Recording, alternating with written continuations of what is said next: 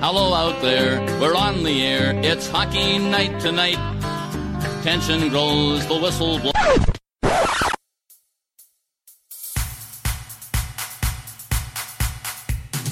B, J, U, R, R, E, Bjurre. E, K, E, L, I, W, Ekeliv. Bjurre, Ekeliv. Bjurre, Ekliv, Bjurre, Ekliv Podcast. Nu ska det snackas hockey. Podcast. Ett stort jubileum vi nått. Podcast och Washington har just vunnit. Så vi gör som Ovi. Nu korkar vi upp. Oh, oh. Oh, oh, oh, och inspelningsknappen är på. 200, nu skålar vi, nu skålar vi. 200, nu skrålar vi, nu skrålar vi. Och tack alla er som lyssnar på oss. Även ni förtjänar en calvados. 200, nu skålar vi, nu skålar vi. 200, nu skrålar vi, nu skrålar vi. Och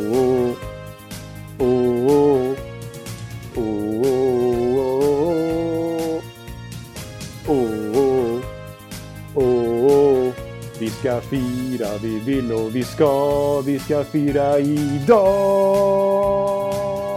Hallå, hallå, hallå, hallå, hallå.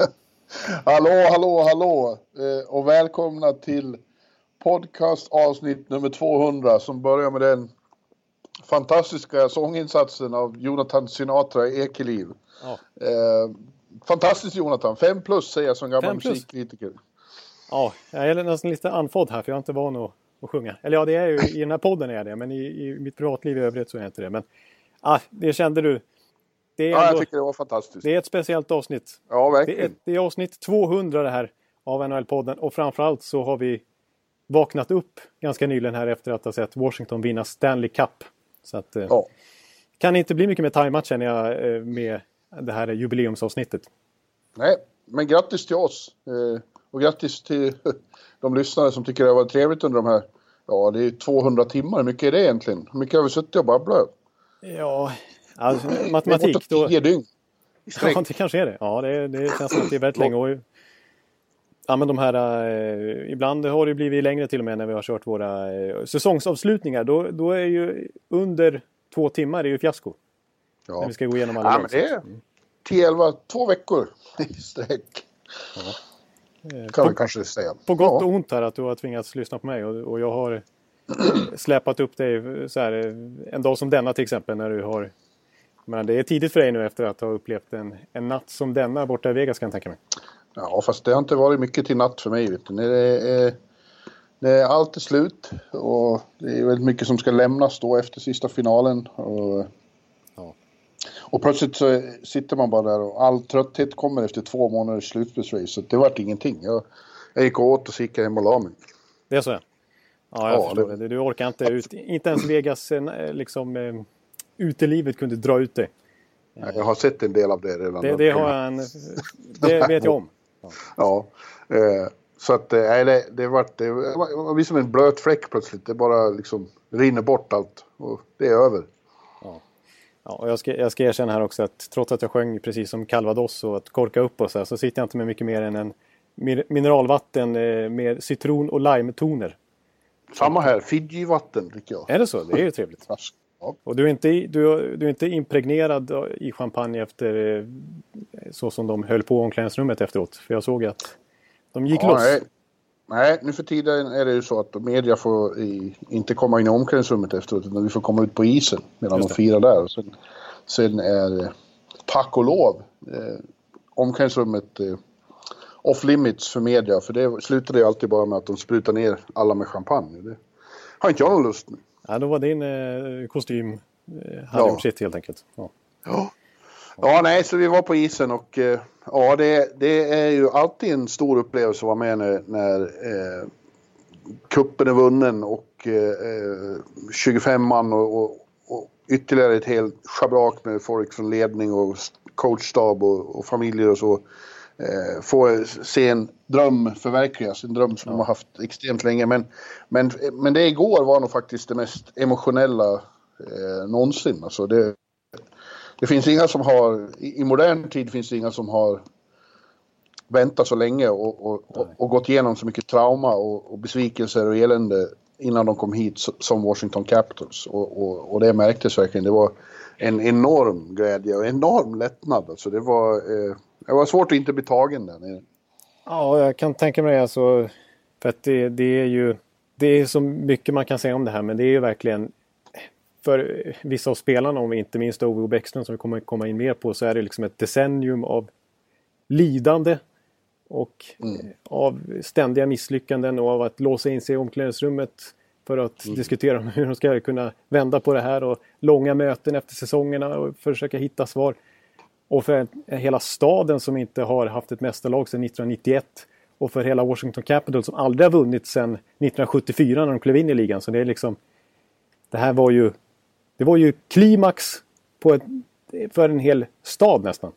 Ja. Och, ja. och så det, det är liksom Jag kan inte tänka mig att nästan det har varit ett, ett, ett ett Stanley Cup, en Stanley Cup-titel som haft större äntligen-stämpel. Nej, nej exakt. Det var som att alla fördämningar till slut brast. Redemption är ett, ett engelskt ord som inte finns så riktigt bra svensk eh, översättning på tycker jag. Men det var redemption för allt det här är bortspolat. Alla eh, besvikelser och allt, eh, all sorg eh, och allt skit som har hänt. För Bäckström till exempel, det sköljer bort det här OS-skiten också. Ja, just det. Ja, precis. Det... Nu finns bara det här kvar. Eh, triumf. Ja. ja, det här är ju precis. Nu, nu, nu kan de ju släppa allt det där. Ja, det var, det var därför det var liksom...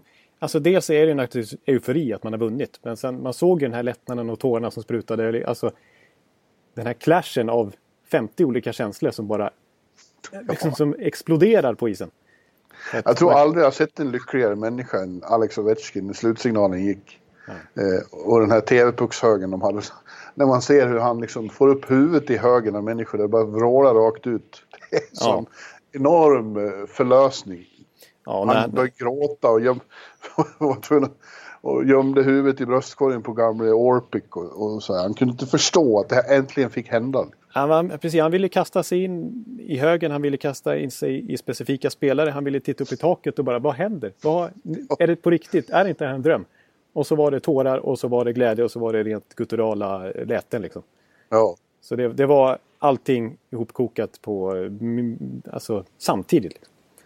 Ja. Och fantastiskt vackert att se när, när familjerna kom ut.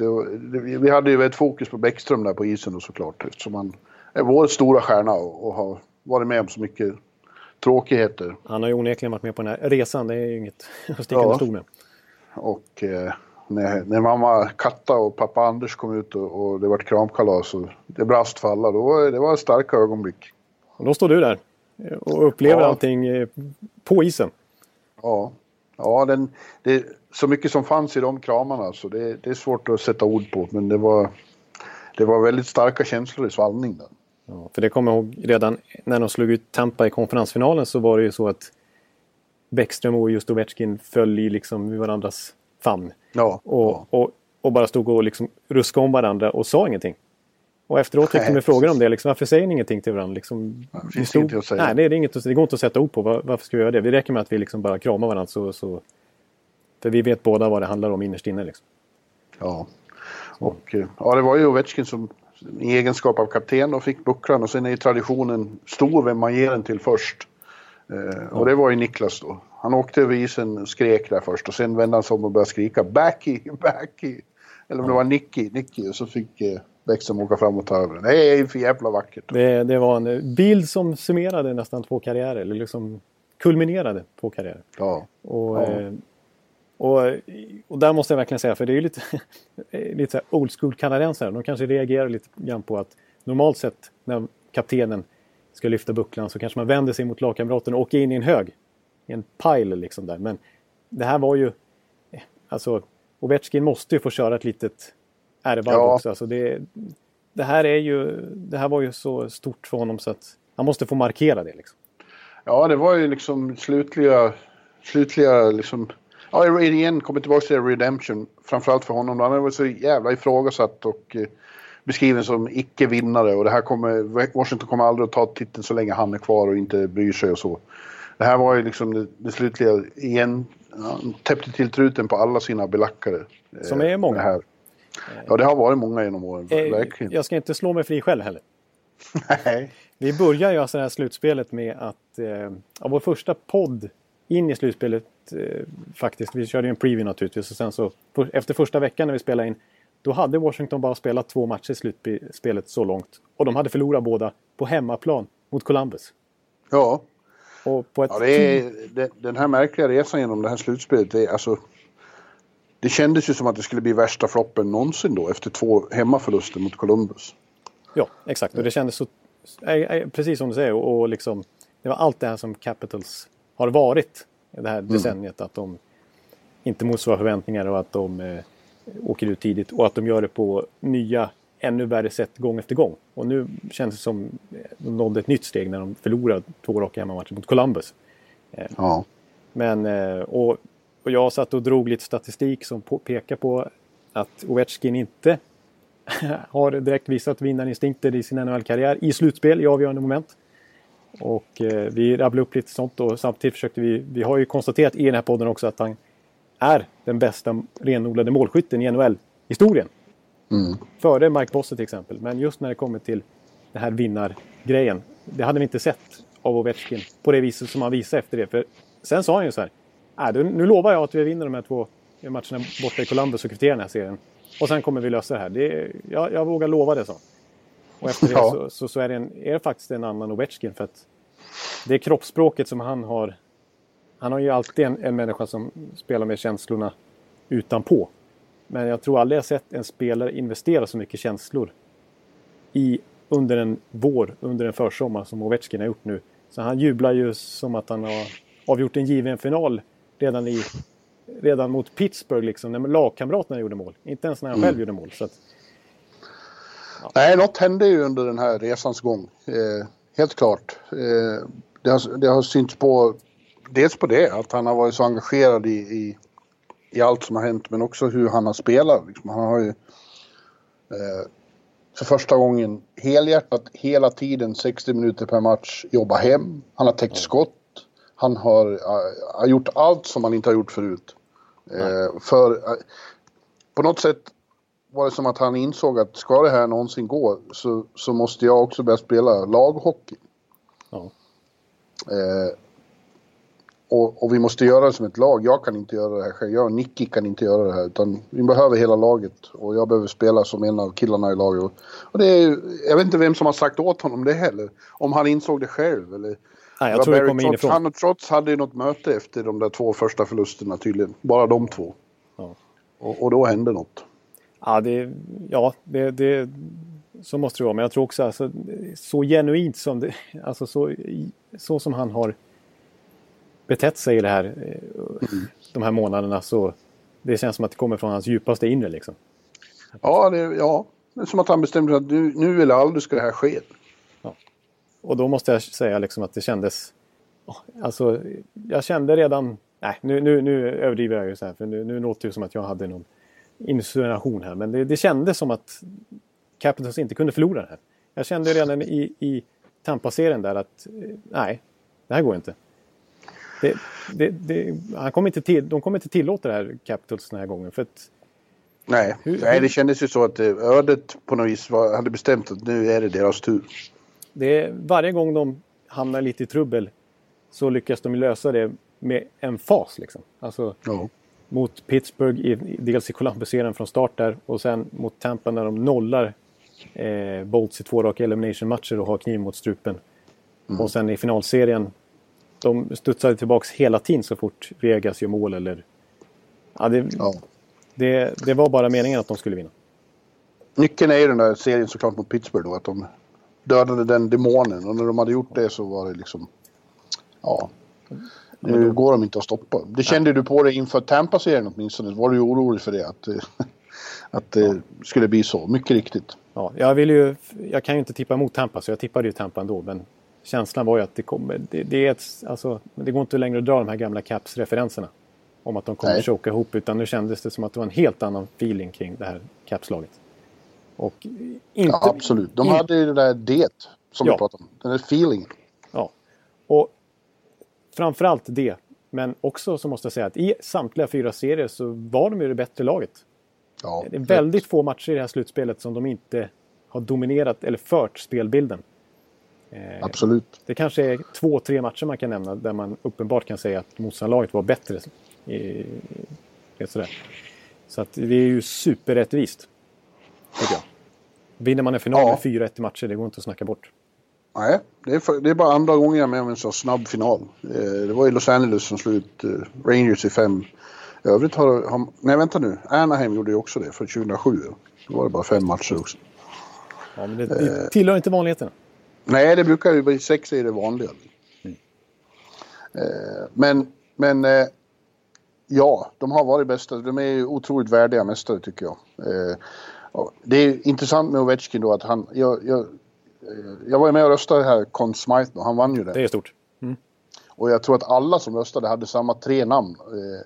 Det handlade bara om honom, Kuznetsov och Holtby till slut. Det var bara frågan om vem av Kuznetsov och Ovechkin som skulle vara etta. Ja. Eh, men han var lätt etta på min... På min eh, man, man får alltså rösta på tre. Ett, två, tre och så ja. sätts det poäng utifrån det. Eh, och de tre var, och för mig var Ovechkin lätt etta. Det var han som liksom gjorde det här. Det var han som satte tonen, det var han som förändrade sig själv och fick laget att göra det här. Ja, men han fick Även om Kuznetsov gjorde flest poäng.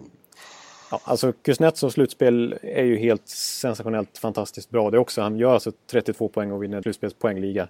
Han är den enda tillsammans med Jevgenij Malkin, eller han har gjort mest poäng under löntagseran i ett och samma slutspel. Bortsett mm. Jevgenij Malkin som gjorde 36 då, 2009. Ja men det är alltså, eh, det är ingen snack om att han också skulle ha varit en värdig vinnare. Men jag, jag sätter större värde vid om man ser genom hela slutspelet vad Ovechkin betydde för laget. Sen, och, ja, precis. Och sen handlar det om att skjuta pucken i mål och det får man säga att Ove gjorde. Han gör 15 mål. Om man vill mm. dra historiska referenser där också så är det bara Sidney Crosby i sin tur som har gjort lika många mål under löntagseran, under ett och samma slutspel. Så det var ju två stycken superstjärnor som levererade mm. eh, i den här Absolut. slutspelet. Absolut, så. men, men det, det, är så här också. Bland mycket eh, nytt, eh, bland mycket som har förändrats hos det här, den här upplagan av Washington, den här kärnvapenbestyckade mästarlaget om man jämför med tidigare är ju att de har haft Hela laget har ju presterat också. Det har ju varit, de har ju haft de eh, alltså roleplayers de behöver också. Jag, jag hävdar att även där har Ovechkin varit viktig genom, genom att vara den som jobbar hårdast och verkligen leder laget så har han ju dragit med sig de andra. Ja.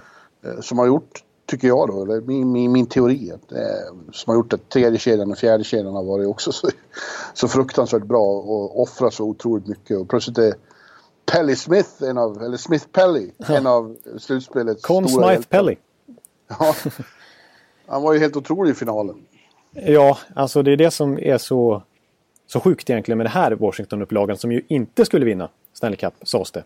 Inför Nej. säsongen efter att man i flera år i rad har snackat upp Capitals som kanske den stora favoriten. Framförallt förra året. För jämför man ja. fjolårets upplaga med det här så, jag menar, då hade de Ja, dels hade de inte slagit i taket än utan de hade kunnat, kunde behålla sådana som Marcus Johansson och Carl Elsner till exempel. De hade plockat in Justin Williams för att bryta förbannelsen. Mr Game 7 himself liksom. Ja. Eh, de hade ju eh, Vegas första back som sjunde back, Nate Smith. Och de, de hade Shattenkirk. De hade Shattenkirk som offrade första val och eh, sin fina talang Zach Sanford till exempel för att byta till sig. Mm. Det var ju all in då. Det var ju, det var ju det laget som skulle vinna. Om något. Eh, och så nu kollar man, liksom, du säger Smith Pelly. Han blev utköpt av Devils förra året. Han, fick ett två, han har spelat på ett tvåvägskontrakt den här säsongen med Washington. Eh, och eh, Alex Jason som kanske inte hade så stor roll i finalserien men som gjorde ju viktigt mål till exempel mot Pittsburgh i den elimination-matchen. Eh, han tog dem in på tryout. Eh, och sån här Brett Connolly som gör sex mål. Och sen utöver att Ovechkin och Kuznetsov eh, gör så extremt mycket poäng så de andra toppspelarna Eh, jag menar, John Carlson som vann backarnas poängliga i grundserien, han gör 20 poäng nu i det här slutspelet. Och Bäckström gör 23 poäng. Lars Eller som tredje center gör 18 poäng. Ja. Han har ju också varit extremt viktig i, i synnerhet när de stora stjärnorna har blivit skadade så har han klivit fram och, och, och blivit, blivit uh, Kopitar under viktiga, under viktiga ögonblick. Ja, så tappar man en Bäckström eller en Kuznetsov i, i, i den här tiden på året eh, då ska, det, då ska inte det gå obemärkt förbi. Det, det finns Nej. inte på kartan men, men Lars Eller har på något obegripligt sätt eh, ersatt dem totalt. Alltså han, ja, kom han upp i åtta poäng på fem matcher när de var borta eller något sånt där. Mm. Eh, han var ju... Det, det märktes ju knappt att de var borta för då höjde han sig till en nivå som, som man inte alls förväntade sig. Nej, det är otroligt. Och, så belöning får han avgöra finalen? Då. Ja, det kändes... Visst, jag, jag hade ju... Jag kände att symboliken fanns ju mest i, i det här Bäckström till Ovechkin-målet. Mm. Man, man, man hoppades på lite på något sätt att det skulle bli matchavgörande. Men det dog ju snabbt för då kom ju Vegas tillbaks och vände tillbaks eh, å sin sida. Men det känns också lite symboliskt för just den här slutspelsvåren. Att det var Lars Eller som avgjorde. För han var på något sätt lite representativ också för Capitals bredd. Eh, ja. Som ju alltid är avgörande om man ska vinna Stanley Cup. Det, det har vi pratat om Absolut. varenda gång eh, vi ska summera en finalserie och ett slutspel så är det ju det lag som både har spetsen och bredden som vinner. Ja, och nu får han eh, som första dansk någonsin ta hem bucklan till eh, Dronningens by. Och oh. Bucklan har aldrig varit i Danmark så det blir, det blir eh, premiär. Ja, det är stort. Och jag, ja. Det är väldigt stort. Till och med Extrabladet eh, fick ju bomba på som bara den alltså. Anna, ja. Annars brukar jag notera så här. Jag går alltså jag får ju, när jag sitter som redaktör får jag gå runt och slia runt lite på andra nordiska sajter. Så här. Och går man in på Extrabladet så när de ska förklara att, eh, att till exempel Nikolaj Ehlers har gjort eh, hattrick natten innan. Mm. Då måste de skriva dansk NHL-stjärna. Eh, liksom de, det går inte att skriva Ehlers för det är ingen som känner igen det namnet. Nej. Så, så, så Nej, litet är ju hockey eh, nationellt sett i Danmark trots allt. Men när de faktiskt har fått sin första Stanley Cup-mästare då, det säger något att de inte haft en enda medierepresentant akkrediterad i finalen. Nej. Det hade ju faktiskt Norge när Zuccarello spelade final. Då var det rätt mycket norsk media på, på plats. Men ja. danskarna har inte varit med. Nej, men det är vilken, vilken, vilken månad ändå eh, kan man kalla det för, för, för dansk hockey med ett fantastiskt hockey-VM. Där det mm. visserligen sportsligt sett tog slut snabbare än de hade förväntat sig men det var ju otroligt bra tryck där borta i Danmark. Otroligt bra ja. arrangerat. Och kändes som ett uppsving i hockeyn där. Inte bara liksom för att vi med blågult skimmer ser tillbaka på det som en guldsuccé. Utan det var ju verkligen en jättefin turnering.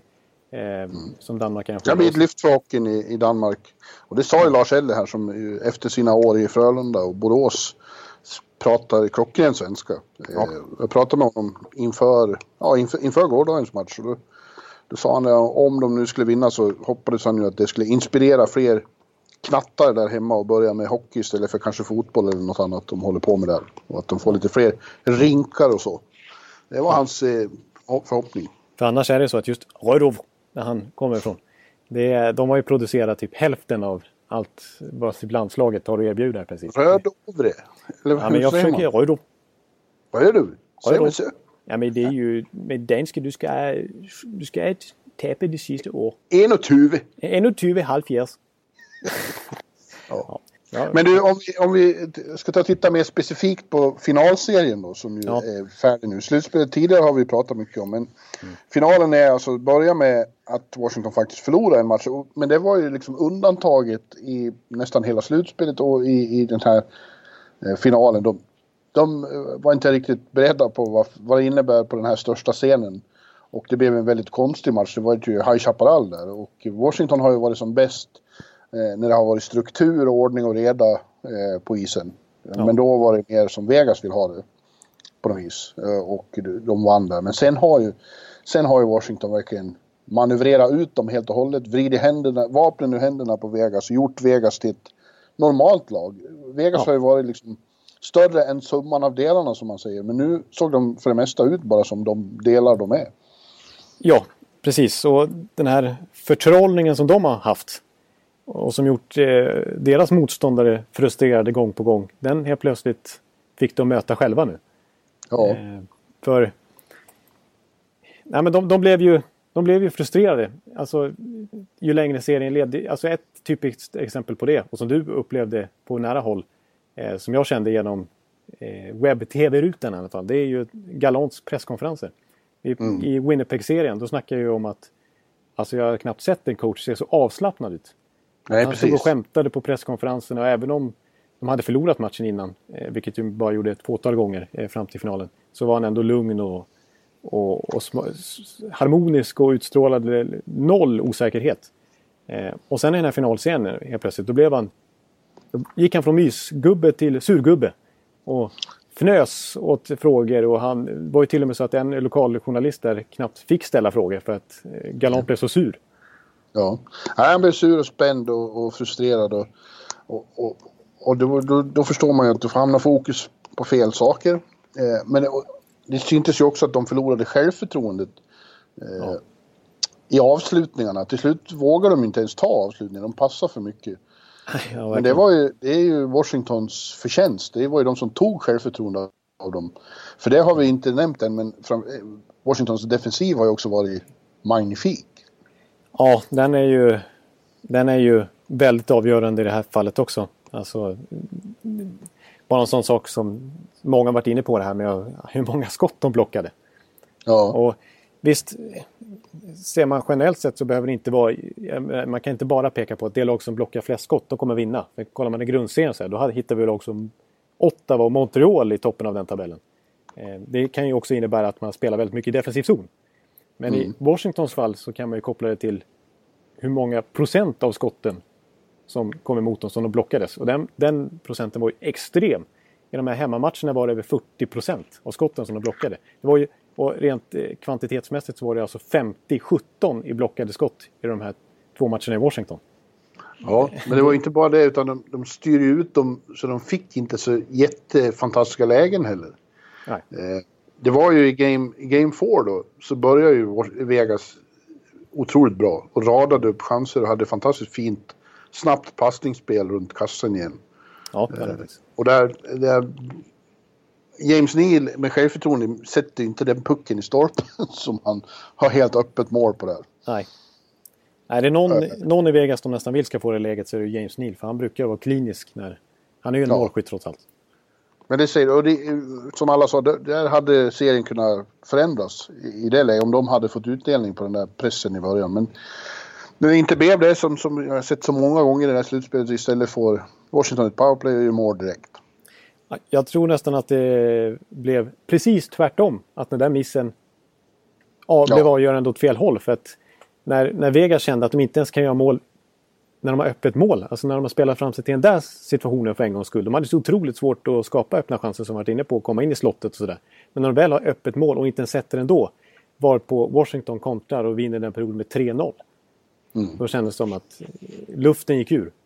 Ja. Det blev en Ja, det fanns ju en situation till som vi väl pratade om redan i förra podden när Holtby gjorde the save på Alex Tucks ja. läge där. Det var ju nästan samma sak, han hade öppet mål. Och, och du, visserligen så vill inte du ge Holtby tillräckligt mycket cred för den då. För Nej, jag hade upp... ju argumentation där om att det, inte, att det var lite tur också.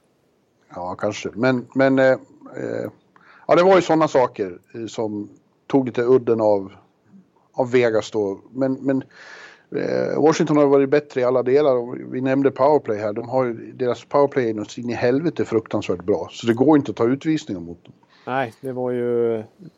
Och i den här finalserien så var det ju... De plockade ju sönder Vegas nästan där. Och...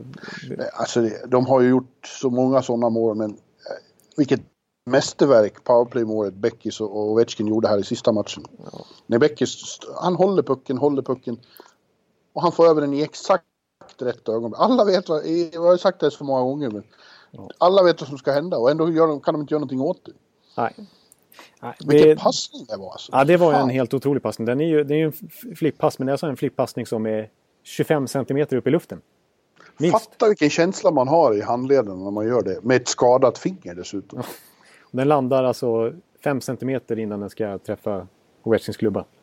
Och han bara sveper in den. Det finns ingenting Flurry kan göra. Och det är två, tre klubbor som försöker bryta den här passningen. Men det är mm. ingen som lyckas. Quality sleep is essential for boosting energy, recovery, and well being. So, take your sleep to the next level with Sleep Number. With a Sleep Number smart bed, you can individualize your comfort level and enjoy a better sleep night after night. JD Power ranks Sleep Number number 1 in customer satisfaction with mattresses purchased in-store. And now the Queen Sleep Number C4 smart bed is only $1,599, a saving of $300 only for a limited time. For JD Power 2023 award information, visit jdpower.com/awards. Only at Sleep Number stores or sleepnumber.com. Det, Det ska ju också påpekas här då, vi, om vi nämner Vegas igen, att Flurry förlorade lite av sin, sin groove från tidigare under slutspelet. Han var inte alls lika omöjlig som han var mot Winnipeg och Kings framförallt. Då. nej. Ja, nej, det, det är ju fullt rimligt att påstå. Och samtidigt vill jag säga att summerar man alla målen som Washington gör så är det ju de fåtal som man kan säga att Fleury faktiskt borde gjort bättre. Och jag, Ja, men statistik tyvärr är det ju avgörande målet eh, ja, det- classic. ja. Flurry på vis. Ja, det, det, det får man säga summerar lite grann ändå, trots allt. Eh, men jag, jag, jag såg någon statistik på att alla, alla mål, om man räknar in Ovechkins eh, mål från ganska snäv vinkel på Bäckströms passning där, men om, om, man, ja, om man kan kalla det för att det är precis i utkanten av slottet i alla fall, så gjorde samtliga Washington-mål i den här serien från slottet. Så det var inga, inget så skitmål från, eh, från ingenstans, utan Nej. Alltså, Vegas klarar inte av att, att försvara sig på samma sätt mot, mot det här laget. här. Men nu kommer vi ifrån mitt tema här som ju var special teams då. Powerplay eh, är fantastiskt, men det är också Boxplay. helt fantastiskt. Ja. Det var den ju genom hela slutspelet. Du kan ju fråga Tampa vad de tycker. Usch. Ja, det vill jag. Det vill jag, vill inte fråga om det. Nej men den var ju klockren. 100 procent nästan. Ja. Och, och, och Vegas som har varit så bra, de, de kom ingenstans. Den här första kedjan, nej, det blev ingenting. Nej, nej, precis. Det var ju sensa, eller sensationellt. Inför säsongen hade man ju inte ställt de här kraven på Morris och Carlson och Riley Smith. Liksom.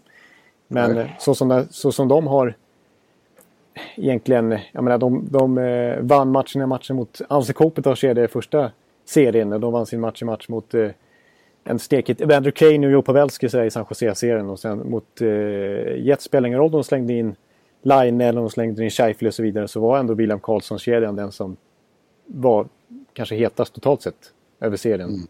Men i den här finalserien så ja, de var inne på en hel rad baklängesmål. Och kom väl, skapade väldigt lite framåt. Och, och konstigt nog så är det ju så att eh, Washington spelade fyra matcher fler i de tre inledande omgångarna än vad Vegas gjorde. Och ändå så var det Vegas som till slut såg lite trötta ut. Ja, ja, ja de såg ju frustrerade och trötta ut mentalt och fysiskt på något vis. Ja. De, de, Men å andra sidan, som de själva konstaterade igår, det är såklart en jävla besvikelse när man kommer så nära och förlorar. Det, den känslan går inte att komma över riktigt, men sett, sett till hur omöjligt det var att de skulle egentligen vara här överhuvudtaget så, så om några dagar så kommer de nu se tillbaka på den här säsongen med, det har ju varit en, en fullständig magi och har skapat en helt ny hockeymarknad med en passion som få kan mäta, mäta sig med. Eh, Vegas har varit, de har, är ju bara värda applåder. ja, ja det, det känns ju lite absurt att man sitter här och gnäller lite på Vegas. Ja. när man ska summera deras säsong. När de faktiskt har tagit sig till final, vilket ju är fullständigt orimligt egentligen. Ja. Förstås. Eh, och att jämföra med Washington när de klev in i NHL 74. Jag tror att det är den sämsta expansion-säsongen i NHLs historia. Ja. Så att, eh, och de fick vänta 43 år innan de fick eh, lyfta kuppen. Ja. att, eh, ja, det var ju klubbens första det här ja. Just Ja. så att eh, Vegas kan ju känna lite så kanske också. Att eh, det, är inte, det är inte kört än. Nej. Och vi har tre nya svenska Stanley Cup-mästare som får sina namn inristade i bucklan. Eh, Bäckström då som vi har nämnt, Andrei Burakovsky och eh, unge Christian Joos som gör det här på, i sin rookie-säsong. Det är speciellt. Ja, det är också apropå de här som jag nämnde, hur lagbygget sett som de tvingade att stuva om i lagbygget mest på grund av lönetak, lönetaket då. Men Jos är en sån som har kallats upp också, liksom Chandler Stevenson som har befordrat från Hershey. Och eh, Ja. nu tycker jag att Jos, alltså, Alltså lite grann det var ju en- delar av slutspelet när han inte fick spela i början där. Men, men när han väl har fått chansen så snacka om att han har tagit Han och Orpik vart ju ett eh, riktigt stort och viktigt backpar. Ja, två eh, totalt olika spelare. Ja, En rutinerad jättebjässe med defensiva egenskaper och så en eh, tanig liten svensk offensiv back med fantastisk skridskoåkning. ja, han är ju så liten så trots hade ju sagt det igår, vi var oroliga att han inte skulle kunna lyfta bucklan. Nej, just det. De, de stod och garvade. Oj, oj, oj, nu ska den här 76 kilos backen försöka få upp den där över huvudet. Det går inte. Nej, men alltså jag tycker han har varit... Han bara blir bättre och bättre och i finalerna här, han gjorde några saker som var... Ja, dels var han ju tuff och hamnade nästan i slagsmål och grejer. Ja. Men alltså man såg ju också när han började våga ta initiativ. Det var ju väldigt nära ett otroligt snyggt mål igår. Ja, ja visst. Och, eh, tidigare i slutspelet tyckte jag såg tendenser det också. Att han helt plötsligt kunde få för sig modet till sig att, att hitta på egna räder. Och var och allt som oftast framgångsrik. Just igår som du säger, han var ju nära. Han kom ju till skott till och med. Efter att ha Ja. lurat hela Vegas försvaret i princip. Beckis är enormt imponerad av honom. Han ser, han ser isen som nästan ingen annan. Eh, och eh, det är bara något år så kommer han att vara superstar. Ja, det är inga dåliga ord från Niklas Bäckström. Också. Nej. Men han har ju en farsa som var lite liknande. Inte, han var kanske inte lika skicklig på skridskorna, men som hade det här spelsinnet. Ja, eh, han var ju en av Beckis idoler då, Per Jos. Eh, Så han säger, han kör hela tiden, ja, farsan uppe i dagen. Farsan uppe i dagen. Och nu är de så glada, de är de första två Gävlepojkarna som, som har vunnit Stanley Cup. Eh, Det är, fler, det är fler som har spelat för Brynäs som har gjort det, men de är de enda Gävlekillarna. Ja, det är lite Och, sensationellt ändå att en sån, Ja. sån hockeystad inte har lyckats få fram egna Stanley Cup-mästare fram till nu. Ja, jag tror att eh, Bucklan aldrig har varit där. När Sandström vann till exempel, då var han i, i, i eh, Fagersta och Mats Näslund var väl uppe i Sundsvall, i Timrå. Ja, just det. Och Börje Salming var ju förstås uppe i Kiruna. Börje Salming har aldrig vunnit Stanley Cup. Nej, det har han ju aldrig gjort. Vad dum jag är. Ja, jag bara utgår från att han har vunnit Stanley Cup, men det har han förstås inte Nej. gjort. Han spelar Nej. ju ett visst Toronto som, inte, som också skulle drömma om att göra en Washington Capitals.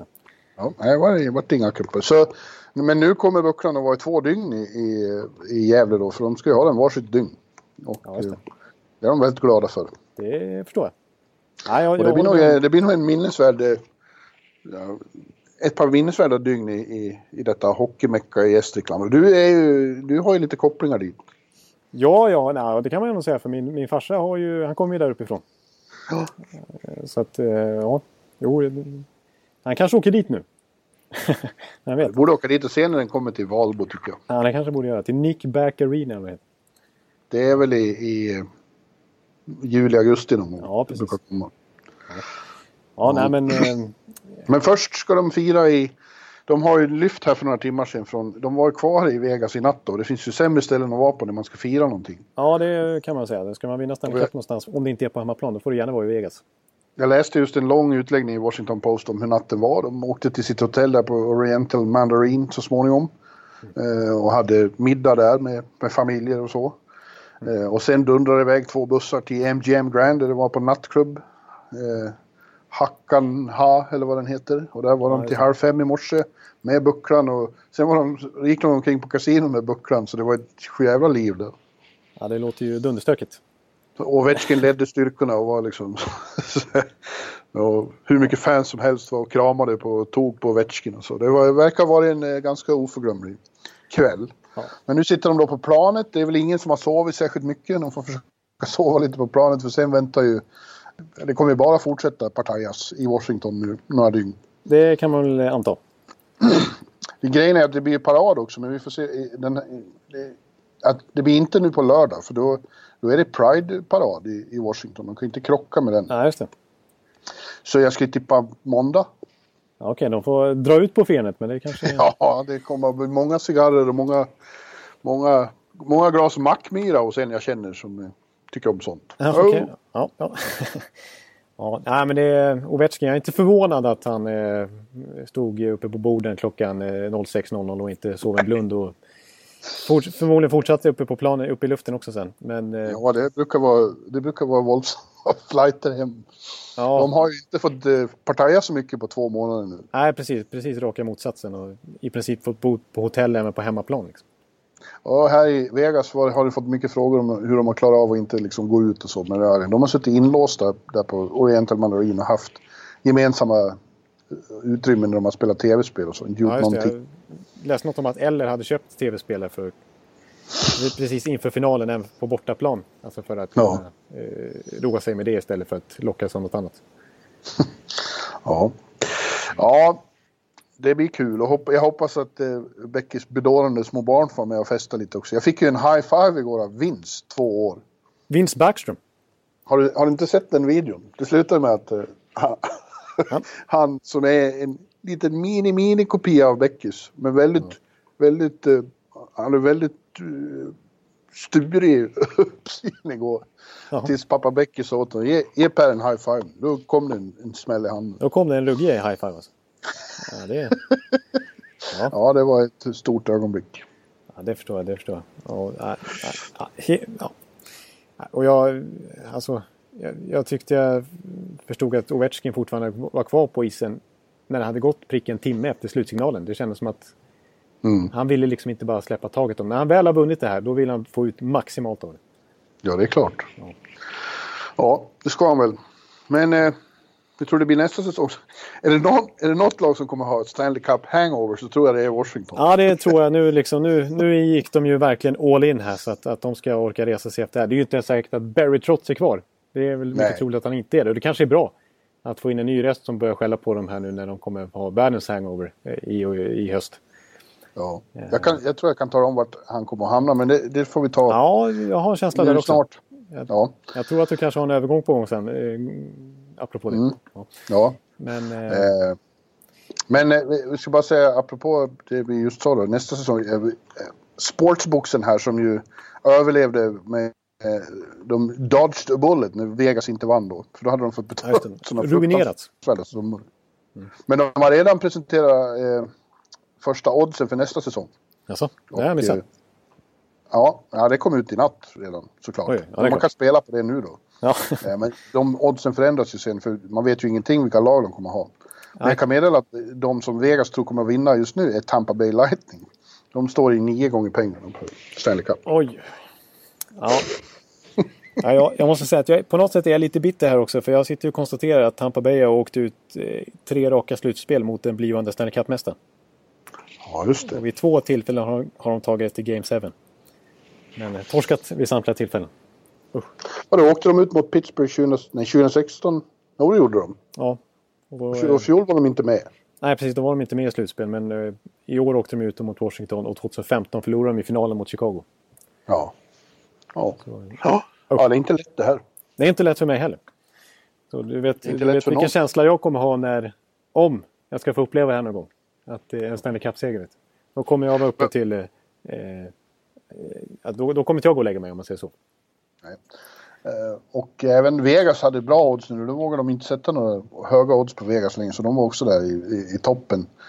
Eh, sämst odds har Ottawa. De står i 100 gånger pengarna.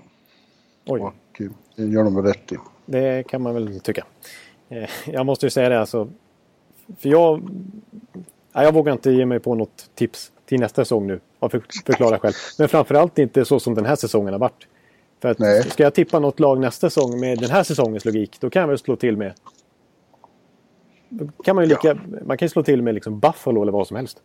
Ja. vem hade trott att, att Washington just den här säsongen skulle vinna Stanley Cup? Att Vegas skulle gå till final? Att Colorado skulle gå från toksämst till slutspel? New Jersey Devils säsong? Nej. Det- Ja, men det här, nu får du spara det här till vi ska ju ha någon stor sammanfattning framöver. Här. Ja, precis. Eh, och eh, vad heter det? Eh, ja, nu kom du... Nu kom jag. Jo, det blir Buffalo Vancouver i final nästa år. Ja. Ja, Det säger jag jag, redan nu. jag, jag tycker det är lika logiskt som om jag skulle säga Tampa mot, eh, mot eh, Nashville. Det blir Dahlin mot Pettersson i final. Jo. Ja. Ja, jag träffade ju förresten Rasmus Dahlin i, i Washington under den serien. ja, just det. De hade ju top prospectsen på, på besök som vanligt under en final. Och, och Rasmus stod ju i, i centrum där. Just det. Eh, och det var ju trevligt att få träffa honom för första gången. Han Ja, var, ja. Jag har hört så mycket om att han ska vara så fåordig och, och talträngd, men det var han verkligen inte. Alltså, han, var, han var riktigt eh, betagen i att vara på en Stanley Cup-final och verkligen så det här är magiskt, vilken, vilken upplevelse. Det går inte att beskriva riktigt. ja, hans eh, Lischöpska. Eller vad man... Nej, nu ska jag inte ge mig på dialekt igen. Nej. Är han inte från Vänersborg? Jag har för mig att han är från eh, Lidköping alltså. Jaha, jaha. jag säger Vänersborg. Ja, är okej. Okay. Mm. Ja, nej, men... Eh... Och han... Eh, eh, och, och, det är så kul att se när de där kidsen kommer in i omklädningsrummet och får hälsa på stjärnorna som Beckis och Ovechkin och så. De försöker se oberörda ut men ögonen är stora som tefat. Nej, men annars, annars måste jag säga att jag tyckte, som du säger, att han, han förde sig bra även framför den amerikanska och kanadensiska pressen. Verkligen, han, han pratade engelska. Han pratade ju bra engelska. Och han ja. gav ju svar på frågorna och körde inte bara klyschor och sådär utan han kände sig rätt avslappnad i den här miljön. Som ju ändå är väldigt speciell. Han har ju noll press på sig. De förväntar sig att han ska kliva in som... Är man first overall, då, då är man ju en generational talent nästan. Mm. Och det är inte så lätt för han att komma över från... Som tonåring komma över från SHL och bara förväntas eh, vara den här frälsaren för, ett, för en organisation som bara suktar efter det. Men fatta att vara en sån där kille och så komma in i det här och se att det här kommer att vara min värld. Det måste ju kännas helt fantastiskt. Ja, det får man säga. Alltså, mm. ja, ja. ja, men hörru du. Mästercoachen Barry Trotz då, som förmodligen inte är kvar i Washington för att det har inte skrivits något nytt kontrakt. Och han, som det verkar nu på slutet så vill han inte vara kvar heller. Det här var ju perfekta slutpunkten med Washington. Ja. Nu är det istället stor chans att han flyttar till New York-området och blir coach i New York Islanders. Ja. Skulle jag tippa. Åtminstone kommer, skulle förvåna mycket om inte Lou Lamoriellos ganska kvickt hör av sig och ber att få bästa coachen i Island, som Islanders nya coach. För det, det är vad som har hänt där då sen sist för oss. Att Lou Lamoriello har inte bara tagit över, han började med en eh, house cleaning och sparkade både Garth Snow och eh, Doug Waite. Han är själv general manager nu. Ja, det är så mycket Lou Lamoriello det kan bli. Ja när han tar, kliver in i en organisation så tänker han inte längre några fingrar emellan utan han kör sin grej. Och det är dags för culture change som man säger. Ja men det, han har ju helt rätt i det. Det måste ju till en, en förändring i hela klubbens ja, kultur och attityd och, och så. Och, och, det kommer ju... Det är helt enkelt bara dags för det. Gart Snow har ju misslyckats kapitalt. Även om han själv nu då satt och yrade om att han tyckte att han hade en Stanley Cup contender skapad vid det här laget. Ja, det var väl då kanske vinklade lite väl mycket. Ja. Eh, man kan ju ge Snow lite beröm för vissa grejer han gjort. Han har varit väldigt duktig på att utnyttja Peter Chiarelli när han har suttit i pressade situationer. Han fick Johnny Boychuk från honom när han var i Boston och han, han fick både Jordan Eberle och inte minst Matt Barzal från honom i, mm.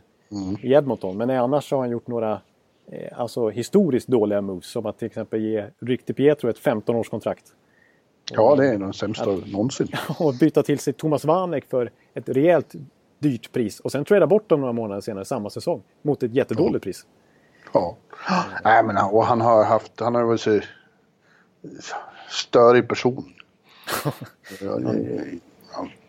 Som sagt, han är delusional och tror att, att de är Stanley Cup-contender. Ja, det, det, är ingen jättevattentätt försvarstal i en sån här situation. Nej. Det finns ju en anledning till att det har suttit eh, reklampelare där uppe på Long Island med att han måste bort. Ja. Så, så, även om Islanders fans kanske inte i samtliga fall är lyriska över att det är just Old School Lou som kliver in här så är de ändå otroligt lyriska över att det faktum att Snow-regimen är över. Äntligen! Ja. Att han sparkade Doug Waite som coach är kanske lite mer, mer eh, oväntat men, men ändå inte för att eh, han har ju Snows man och ska man skapa en ny kultur då behöver man ha helt nytt eh, ja, fokus. Måste, exakt, då måste man ju börja om från scratch och tänka ja. nytt. Liksom. Ja, och Doug Waite, han gjorde det helt okej, okay, men, men eh, det, viktigast för Lamoriello är att han gör saker som får eh, Tavares att vilja stanna. Ja. ja, precis. Och visst, Tavares kanske gillar Waite, som var hans... Som han, han bodde hos Waite faktiskt när han kom in i ligan en gång, när, när Waite fortfarande var spelare. Så att de mm. har en speciell relation till varandra. Men, eh, nej, det, jag, måste, jag har också gillat Wait som tränare men det var ändå en lite för stor kollaps andra halvan av den här säsongen. Och ja. när en finalaktuell spelare som Andrei Burakovsky efter en match mot Islanders går ut och säger att det här var en konstig match för att vi fick ju åka runt som vi ville i offensiv zon. Det var ju knappt, ja. det, vi har ju mycket ytor som helst. Så brukar man ju inte uttala sig om ett motståndarlag men han var ju bara ärlig. Det, de, de, de, kunde ju snurra som de ville där. Och det är ju inget ja. jättegott betyg för en tränares struktur på försvarsspelet om det ser ut så. Nej. Nej. Eh, Intressant med det här att Lamorello är tydligen god vän med Garth Snow. Då, men det hindrar honom inte från, från, från att klippa till direkt. Eh, han, är, han är Lou. Ja, och det är faktum att, eh, att Snow ju... Han, han fick ju ett så här superkontrakt fram till 2022. Så att det är ju dyrt att köpa utan också.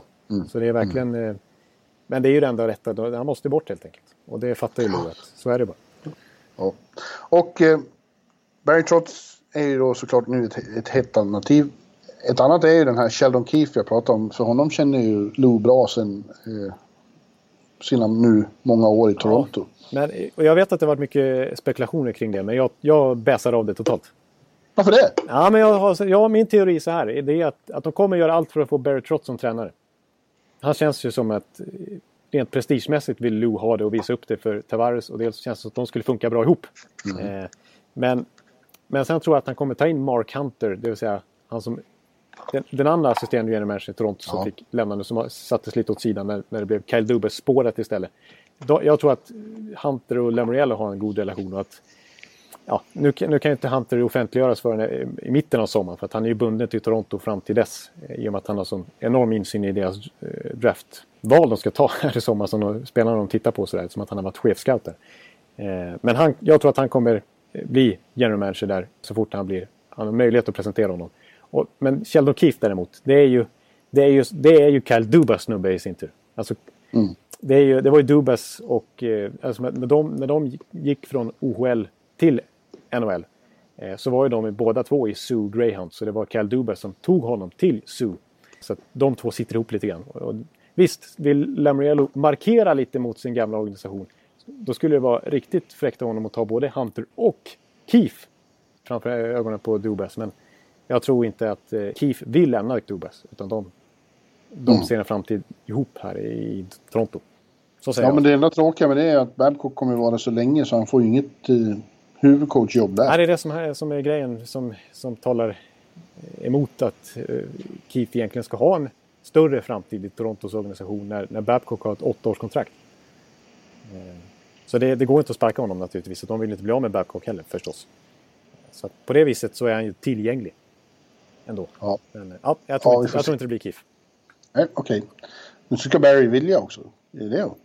Exakt. Han lär ju inte ha brist på intressenter. Han kan ju nästan nå det här stadiet att man skulle kunna peta sin nuvarande coach för att ta in Barry Trotz. När, man ändå, när han precis kommer från en Stanley Cup-triumf. Mm. Så, eh... Det är dags att sparka Cooper och ta in Barry. Usch. Ja. ja, nej, ja. men... Eh, men hör du, eh, vi måste wrappa upp det här nu. Jag måste checka ut från mitt hotell snart. Ja. Eh, men du har lite andra saker du vill säga? Ja, men vi kan, vi kan lite på sluttampen här gå igenom, tycker jag, lite svenskar i stekheta trade-rykten vill jag säga. Mm. Eh, för det tycker jag man kan kalla det. Det är fortfarande spekulativt, men det är ändå så pass starka källor så här som omnämner våra, några av våra största svenska stjärnor. Ja. Eh, ett exempel som man kan börja med det är ju att att The Athletic kom ut med sin lista över de 20 hetaste namnen att bli tradade den här sommaren. Och vem mm. var på första plats då? Ja, det kan vi lista ut. Det var ju Erik Karlsson. Ja. Som vi pratade om hela vintern. Eh, för det var mm. ju till slut bara extremt nära. Det var ju i sista timmen som Vegas till slut avböjde att byta till sig honom. Ja, tänk om han hade varit här nu. Vilken grej.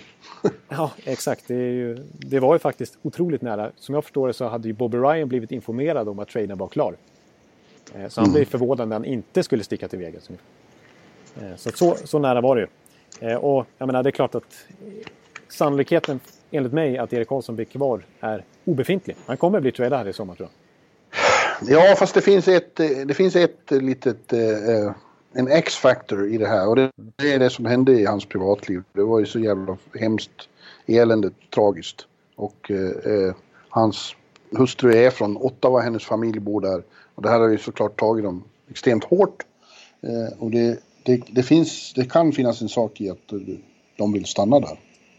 Ja, men jag, har svårt att se att han ska binda upp sig på att, att han ska skriva det här 7-8 årskontraktet när Melnick är ägare. För att... Det finns andra i livet som är viktigare. Ja. Eh, och eh, ja, vi får se. Det tror jag är väl att han hamnar någon annanstans. Eh, jag vet att Rangers är också extremt intresserade av honom. Eh, ja och är beredda att, att gå långt för att få honom eller Oliver. Ja. det är nästa namn du tänker prata om? Det är nästa namn som, jag, som, som man måste verkligen eh, lägga fram här. För nu är det McKenzie och det är eh, Elliot Friedman och det är Craig Custens och det är Pierre Bruno och så vidare. Som, eh, som bekräftar då att eh, Arizona för det första har ett eh, konkret erbjudande som ligger på bordet som är upp till Oliver att ta ställning till. Och det är ett åttaårskontrakt värt 8,25 miljoner dollar per säsong. Mm. Det är upp till Oliver att bestämma om han vill skriva på det eller inte. Och vibbarna från Arizona är att det kan gå vägen. De kan få Oliver att stanna. Och de har även inlett diskussioner med Niklas Hjalmarsson att stanna. Och mm. Det tror jag dels är naturligtvis för att de bytte till sig Hjalmarsson som en trefaldig Stanley Cup-mästare och som en liten pappa och mentor åt ett ungt lag. Sådär, och han såg ju bra ut faktiskt i slutet av säsongen när hela Arizona fick ett uppsving igen. Faktiskt. Eh, så det är dels därför, men dels så tror jag också lite grann för att markera för Oliver att eh, din polare här vill vi också ha kvar. Och förra året tog de in Kevin, Kevin Ekman Larsson till AHL-laget. Det var också en liten markering till Oliver Ekman Larsson att visa att, amen, att han betyder mycket för, för organisationen. Och, eh, men, men så här är i alla fall att som det, både Pierre LeBrun och Craig Custens till exempel är inne på att om Ekman Larsson inte har gett ett klart besked till dem när det är dags för draften här om ett par veckor. Ja, då, kan det bli, då kan de inleda en trade-aktion och aktivt höra av sig till andra klubbar för att se vilka som har det högsta budet. Och i så fall kommer de ju trada honom för att få maximalt värde med ett år kvar på kontraktet. Mm. Och då blir ju... Men det har inte sagts något om, om Oliver är tveksam till de här 8,2. Han vill ha mer? Nej, inte så mycket egentligen tycker jag att, att han skulle kräva mer sådär. Utan det är... Ja, och jag, jag, alltså Arizona kanske inte kan kliva upp så mycket mer heller för att de blöder ekonomiskt och ägaren har ju nyligen uttalat sig om att han verkligen jagar nya investerare. Ja, det är, har ju visat sig att det är ligan som har betalat räkningarna ända sedan januari. Igen. Ja, det försöker de ju dementera själva men det känns inte som att det är rök utan eld när, när det handlar om Arizona. Nej, ehm, tyvärr. Tyvärr. Och, ehm, så, och det är ju någonting som inte är så bra försäljningsargument till Ekman Larsson att stanna om man säger så. Ehm, de behöver verkligen en ny arena, det har de verkligen inga pengar till. De behöver en ny träningshall, det har de inga pengar till heller. Så att det finns många anledningar för Ekman Larsson att titta på andra alternativ. Ja, enligt Larry Brooks så är det så att eh, en av tankarna med Rangers när de tradade bort McDonough var att de räknar med att de kommer kunna få antingen Erik Karlsson eller Oliver Ekman Larsson. Ja.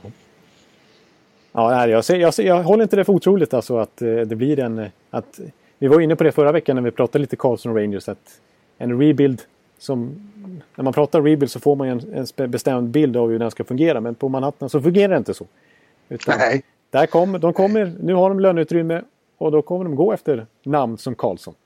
Ja, om de, om de får chansen på sådana, det är klart de gör. Ja, det är så det funkar. Så nej, det är absolut inte omöjligt att du får eh, ha att göra med OEL eller Karlsson i, i, på plats i Madison Square Garden nästa sommar. Jag, jag, tror nästan, jag tror nästan att det är 50 procent. Att någon av dem Det skulle vara jävligt roligt. Ja. Rent arbetsmässigt alltså. Rent, ja. Ja, ja. Det skulle vara bra för Rangers att ha en bra back också. Det kan ju de tacka ja till också. Det är inget fel. Det är inget fel med det. Eh, men det sista laget jag ska komma in på, det sista namn, svenska namnet. Eh, jag börjar med laget, för det är ju Carolina Hurricanes då. Eh, mm. Som ju, det sägs då är det mest aktiva laget på marknaden just nu. Som, ja, jag tror Craig Custens var inne på att de kan komma att göra två affärer redan innan draften.